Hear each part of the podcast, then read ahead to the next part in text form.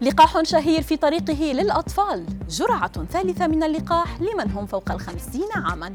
سر للحفاظ على لياقتك وصحتك في رمضان. أبرز أخبار الساعات الأربع والعشرين الماضية في دقيقتين على العربية بودكاست.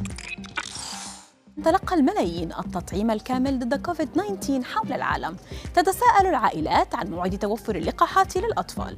وفي تحول جديد مواجهة كورونا أعلنت شركة فايزر أنها تتوقع أن تصرح إدارة الغذاء والدواء الأمريكية باستخدام لقاحها على الأطفال الذين تتراوح أعمارهم بين 12 و 15 عاماً. مستشهدة بالتجارب السريرية التي أظهرت أن اللقاح يثير فاعلية ممتازة واستجابات قوية للأجسام المضادة لدى المراهقين في هذا السن. أكد الرئيس التنفيذي لشركة فايزر أنه يتوقع أن يواجه طلبا دائما على اللقاح المضاد لفيروس كورونا على غرار لقاحات الإنفلونزا.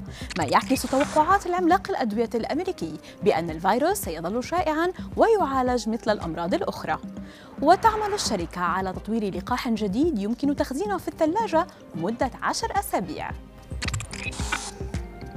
تعتزم بريطانيا بحسب صحيفة تايمز. إعطاء كل شخص يزيد عمره عن 50 عاما.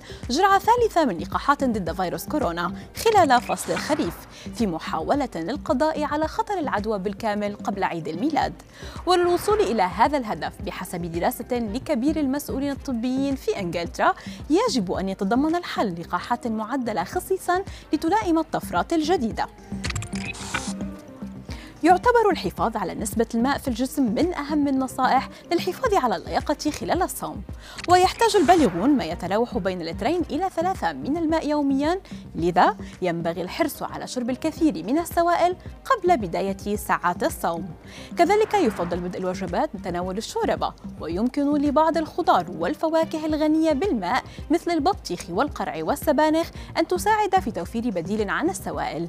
كما يفضل التخفيف من تناول الشاي والقهوة والمشروبات الغازية المدرة للبول خلال ساعات الإفطار.